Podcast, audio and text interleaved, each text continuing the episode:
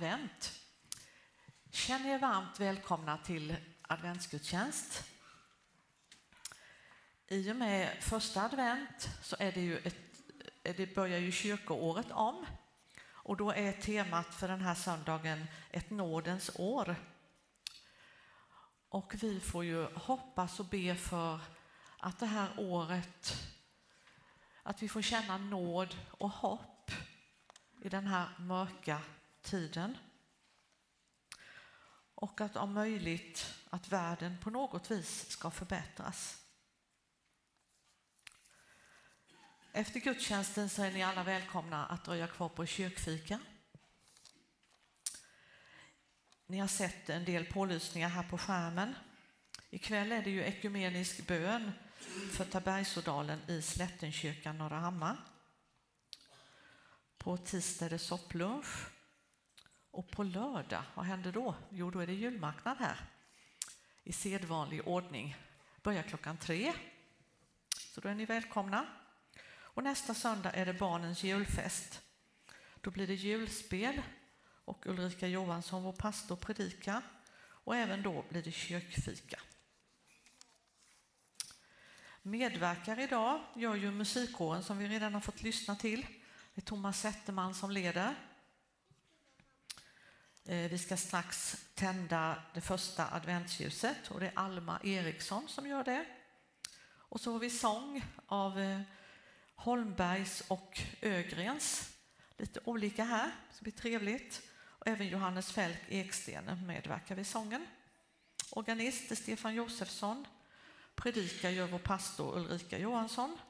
Och jag själv heter Eva Berntsson. Känn er välkomna. Låt oss be.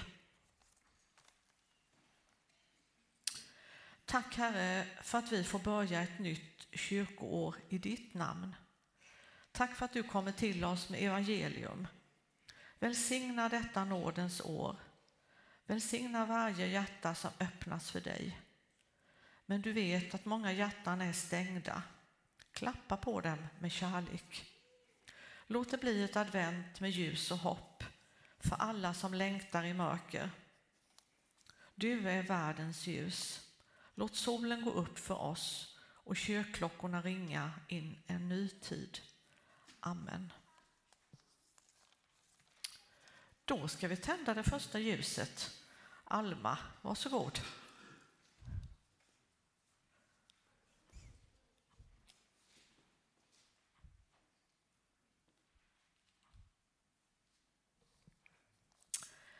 När första ljuset brinner står julens dörr på glänt och alla barnen glädjas att fira få advent.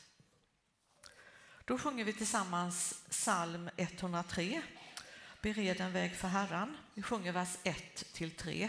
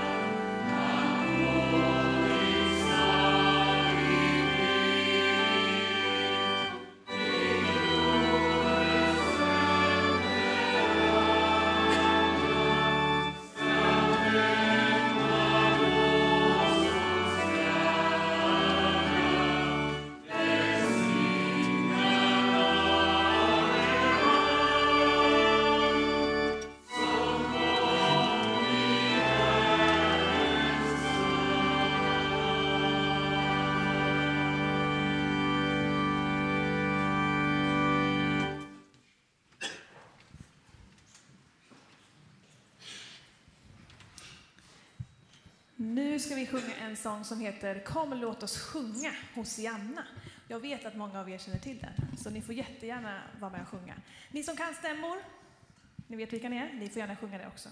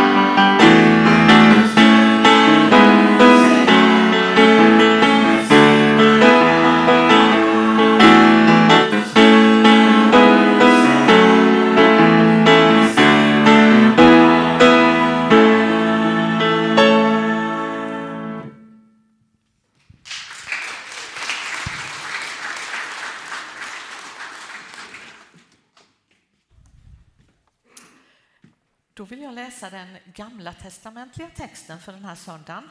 Och den är hämtad ifrån Sakarja kapitel 9, vers 9 till 10. Ropa ut din glädje, dotter Sion. Jubla, dotter Jerusalem. Se, din konung kommer till dig. Rättfärdig är han, seger är honom given. I ringhet kommer han, ridande på en åsna, på en ung åsnehingst. Jag ska förinta alla stridsvagnar i Efraim, alla hästar i Jerusalem. Krigets vapen skall förintas. Han ska förkunna fred för folken och hans välde ska nå från hav till hav, från floden till världens ände. Så sjunger vi tillsammans sång nummer 485. Och under tiden så har du möjlighet att ge en gåva till församlingen. Och den här söndagen är det lite extra insamling till våra fastighetsåtgärder som vi har på gång. Så tack, vi ber för kollekten. Herre, jag tackar dig för gåvan till församlingen. Jesus, jag ber verkligen om, om välsignelse över pengarna, att vi kan för, förvalta dem på rätt sätt. Tack Gud för alla glada gåvogivare. I Jesu namn. Amen. Du ser ju swishnumret på skärmen eller kan du lägga kontanter vid utgången.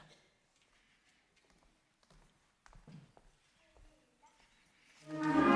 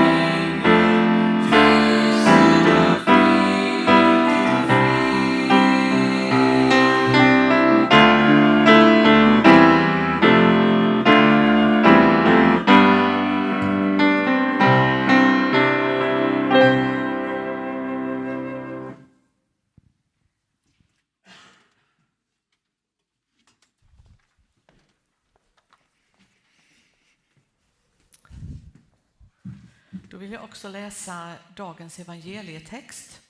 Och den är hämtad ifrån Matteus 21 kapitlet, vers 1-9.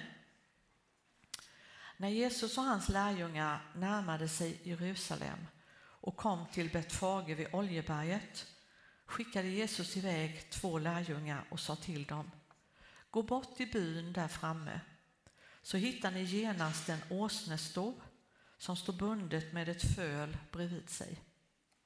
Ta dem och led dem hit. Om någon säger något så ska ni svara Herren behöver dem, men han ska strax skicka tillbaka dem. Detta hände för att det som sagts genom profeterna skulle uppfyllas. Säg till dotter Sion, se din konung kommer till dig, ödmjuk och ridande på en åsna och på ett föl, ett lastdjurs föl. Lärjungarna gick bort och gjorde som Jesus hade sagt åt dem. De hämtade åsnan och fölet och la sina mantlar på dem. Och han satt upp. Många i folkmassan bredde ut sina mantlar på vägen. Andra skar kvistar från träden och strödde dem på vägen. Och folket, både de som gick före och de som följde efter, ropade Hosianna, Davids son. Välsignad är han som kommer i Herrens namn. Hosianna i höjden. Så sjunger vi psalm 105.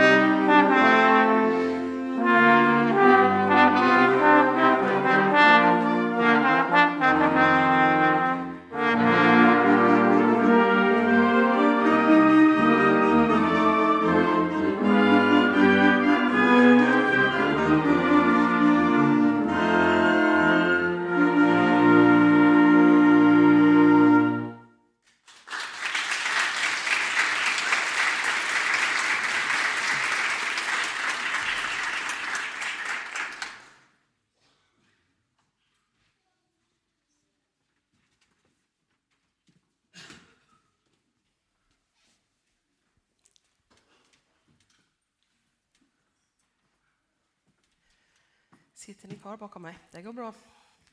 Får ni, får ni studera fotarbetet lite extra idag eller något? Vi ber för predikan. Herre, öppna våra ögon och öron och vårt hjärta, var och en av oss, för ditt glada budskap idag. Ja, Herre, hjälp oss att vara tillgängliga och beredda när du behöver oss. Så ber vi i Jesu Kristi namn. Amen. Ni har hört här innan läsas dagens evangelium ifrån Matteus om den där gången när Jesus red in i Jerusalem. Och när jag så här i början av december år 2023 här i Taberg hör de här orden så tänker jag bland annat på vad tänkte de som var med där och såg det här? Och så fastnade jag lite extra den här gången om frågan Förstod de egentligen varför Jesus behövde en åsna? Har ni någon gång funderat på det? Så får vi se om vi har kommit fram till samma svar, du och jag.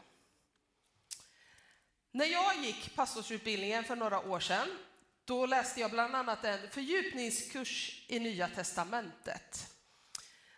Och i den så läste vi bland annat en bok som jag gillade, där vi liksom läste och funderade på Bibelns berättelser just som berättelser. Funderade liksom vad olika delar av berättelserna kan säga till oss och hur det påverkar budskapet, hur det är skrivet och vad som finns med. Vad säger miljön? Vad säger och gör karaktärerna som var med? Och så minns jag också att det stod ett spännande kapitel om att man kunde fundera på vilken, ska vi kalla det rekvisita, den där boken var på engelska, det hette props på engelska minns jag, men kanske rekvisita kan funka som. Vad, vad finns det med för någonting, för saker och så i berättelsen och, och vad kan de vara med och symbolisera? Hur påverkar de budskapet? Gör de det överhuvudtaget eller råkar de bara finnas med? Men det kan ju vara så att de också är med och säger någonting till oss, de där sakerna som finns med.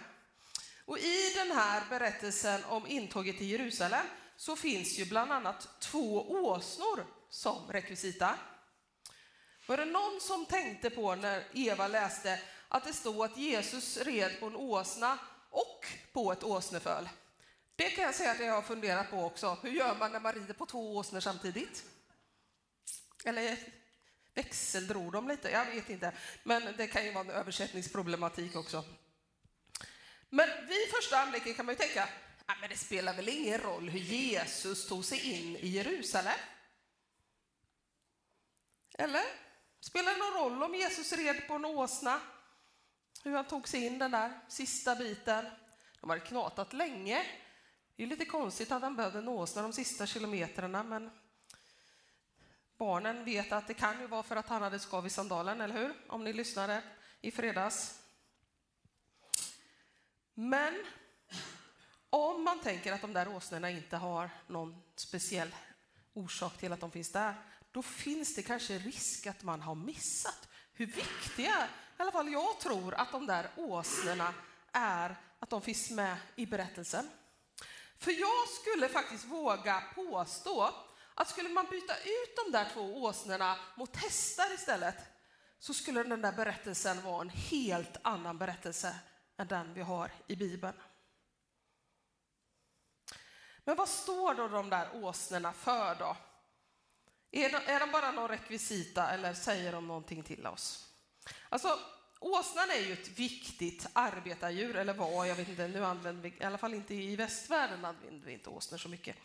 De finns nog fortfarande kvar i andra kulturer kanske. Och så användes ju så riddjur, och det var ju det Jesus gjorde nu. Han satt på något sätt, eller på, jag vet inte om han red tjejsits eller vanlig, framgår inte av berättelsen.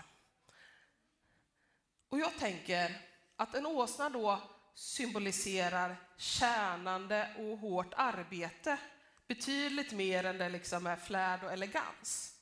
Då hade man valt ett annat djur om man ville haft det sista. Och en åsna är inte så hög, vad jag vet.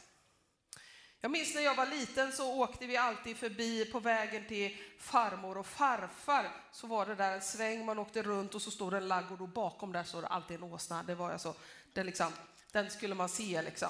Och var inte åsnan där så undrade man ju vad hade hänt nu? Och så tittade man lite extra nästa gång man åkte förbi. Men de är inte så höga.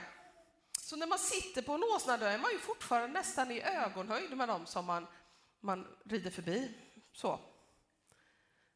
Man har i alla fall inte riktigt samma ovanifrån perspektiv som om man sitter på en häst. Det har jag aldrig gjort. Jag tycker de är lite lömska.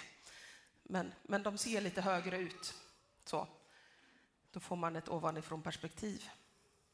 Så en åsna symboliserar ju egentligen motsatsen till liksom maktanspråk.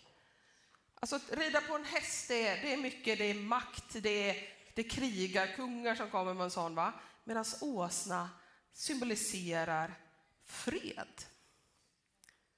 Och så finns det också en del andra berättelser i Bibeln där det liksom finns kopplingar mellan åsnor och kungar och andra viktiga personer i Bibelns berättelse. I Första Mosebok kapitel 49 så kan vi bland annat läsa om hur liksom Jakob beskriver en framtida härskare i Juda som binder sin åsna vid vinstocken, sitt åsneföl vid rankan. Och när Salomo, vet ni barn, har ni koll på vem Salomo är? Han är kung David, kungarnas kung för, efter Jesus. Det är hans son. När, han, när det var dags för honom att bli, bli kung, ja, men då kom Salomo ridandes på en åsna som tillhörde kung David. Och tidigare här så hörde vi också Eva läsa från profeten Sakarja som beskriver en kung som kommer ridandes på en åsna i ringhet. Det betyder att han inte är mäktig, det är motsatsen till, till pamp och ståt. För att han skulle segra, men också för att förkunna fred åt folken. Och när vi liksom vet det här nu då, lite, fått lite kött på benen om åsnor och vad de kan berätta för oss, vad de står för och de symboliserar, så kanske vi fortfarande undrar varför skulle Jesus ha med åsnorna på vägen? För han hade ju som sagt var gått en ganska lång bit innan och sen ville han bara ha en ifrån förorten och på väg in. Men förutom då att åsnor symboliserar tjänande underifrån, eh, eller åtminstone samma perspektiv, och är motsatsen till maktanspråk, så spelar åsnorna en viktig roll för att berätta vem det är som kommer där in emot Jerusalem. För åsnor ger alltså, om man är insatt i Gamla testamentets texter, en hint om att det här kan handla om en kung. Så Jesus kunde ju då genom att säga, ah, men skicka två, eller hur många de nu var, lärjungar och hämta några åsna, en åsna och dess föl. Så kunde Jesus vara med och liksom arrangera och se till att den där viktiga rekvisitan fanns på plats. Och det ledde ju till att de som mötte honom där på vägen in emot Jerusalem kunde förstå vilken sorts kung det var som kom ridandes så att människor skulle kunna ta emot honom på rätt sätt. Inte som en krigarkung som kanske en del förväntade sig. Nej, han kom som en fridsfurste. Och för att just markera tydligt för folken att han kommit med fridlig, fredliga avsikter så valde alltså Jesus att rida på en åsna. Jag menar, hade han varit vilken kung som helst, då hade han valt makt och pondus och pompa och ridit in på en riktigt ståtlig häst. Men Jesus, han tog en enkel åsna. Ja, för Jesus hade ju inte kommit för att befria folket från ockupationsmakten, ifrån romarna som ju hade tryckt ner dem länge. när han kom för att befria folket från helt andra makter. Och Jesus kom inte med makt ovanifrån perspektiv på höga hästar, utan Jesus tog sig in med andra avsikter på en åsna i människors ögonhöjd. Tidigare i evangelierna så har ju Jesus framförallt kommit med undervisning om himmelriket. Det är ju begreppet för Guds rike som används i Matteus. Han har kommit för att erbjuda frälsning, rädda människor från sjukdomar och demoner som plågat dem. Men från den där dagen när Jesus red in i Jerusalem så var det mer tydligt att Jesus kommit för att erbjuda befrielse på ett helt annat plan. För hela folket i alla tider. Ja, det Jesus kommit för att göra är så mycket större än en vanlig kung skulle kunna göra och erbjuda. Och han ville att människor skulle förstå det, åtminstone lite av det. Och därför valde han en åsna. Och därför, ursäkta, därför är det kanske inte så konstigt då att när människorna började förstå lite av det här, att de ute med vägen där ropade Hosianna, Davids son, välsignad han som kommer i Herrens namn, Hosianna i höjden. För de verkade fått lite försmak om vad det handlade om. Och precis på samma sätt som Jesus använder åsnan den där söndagen som rekvisita för att liksom signalera ut rätt budskap och för att människorna skulle kunna ta emot honom på rätt sätt och förstå vem han är. På samma sätt tänker jag att Gud vill använda dig och mig. Och ta nu inte illa upp när jag liksom jämför oss alla här med åsnor. För jag, jag, tänker utifrån vad jag har sagt om åsnor och hur de används i Bibeln så är, så är ju det faktiskt en ganska smickrande ändå liknelse, eller hur? Ni tar inte illa upp va?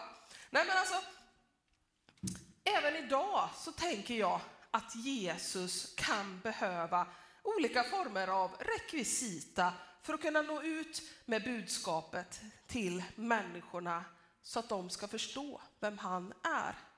Och då tror jag att Jesus, kanske främst genom den helige ande, att den kan verka i oss, kan göra så att vi kan få vara med och bli använda av Gud i möten med andra människor.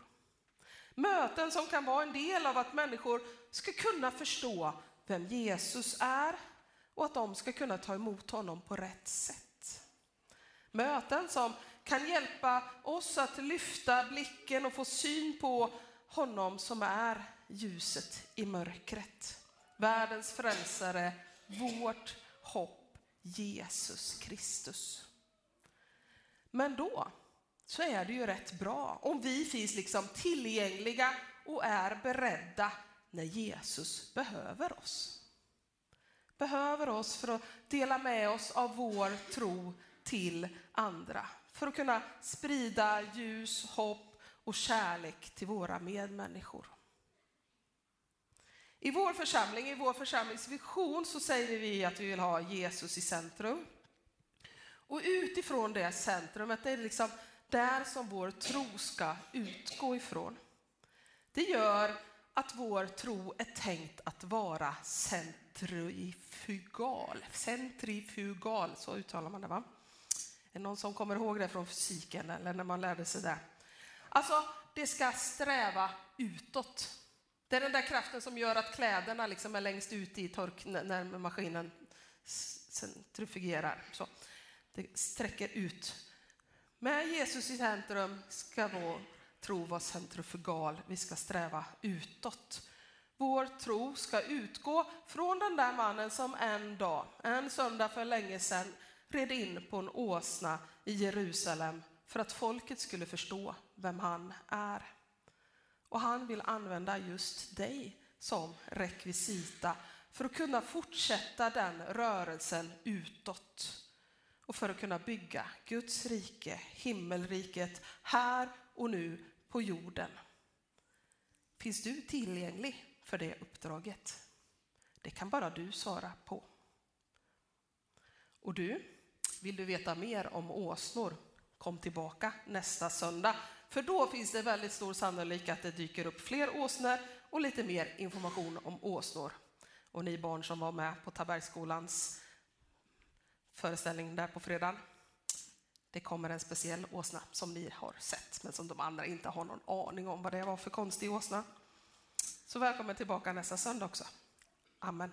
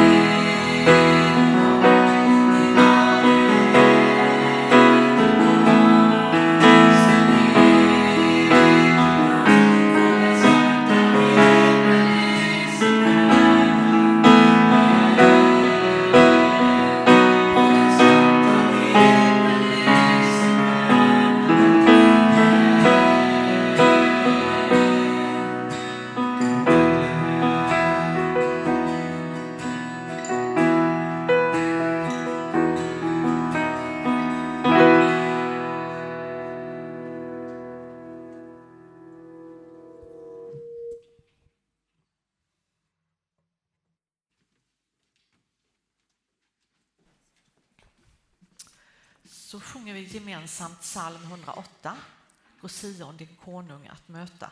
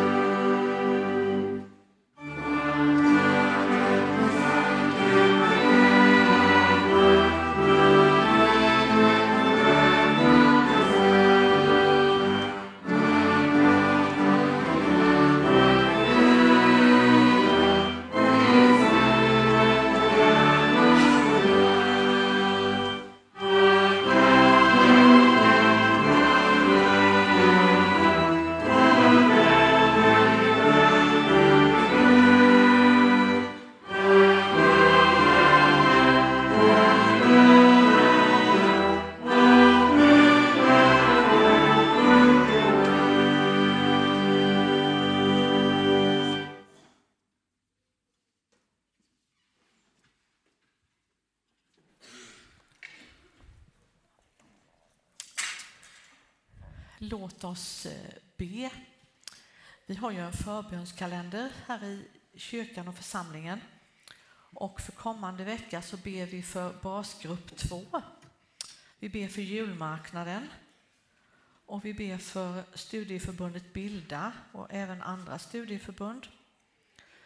Vi ber också för aktuella saker i världen och för rekrytering av pastor och församlingsföreståndare. Låt oss be. Herre, tack för att vi får komma till dig i bön. Tack Herre för att vi får lägga fram oss själva. Du vet precis hur vi har det och vilka vi är. Jesus, tack för att du kan möta oss var och en på ett väldigt personligt sätt. Jesus, jag ber för församlingen här. Och just nu ber vi speciellt för basgrupp nummer två. Du vet vilka som är med i den gruppen. Tack för att du välsignar dem. De får tjäna för dig. Och studieförbunden här eh, är där man når många människor i olika studiecirklar och arrangemang. Vi ber för julmarknaden på lördag. Herre, vi vill att så många människor som möjligt ska komma. Och så ber vi för vår värld. Herre, du vet att vår värld är trasigare än någonsin. Herre, förbarma dig över vår värld. Vi ber om fred och frid. Jesus, ingjut hopp och ljus i människor som är utsatta.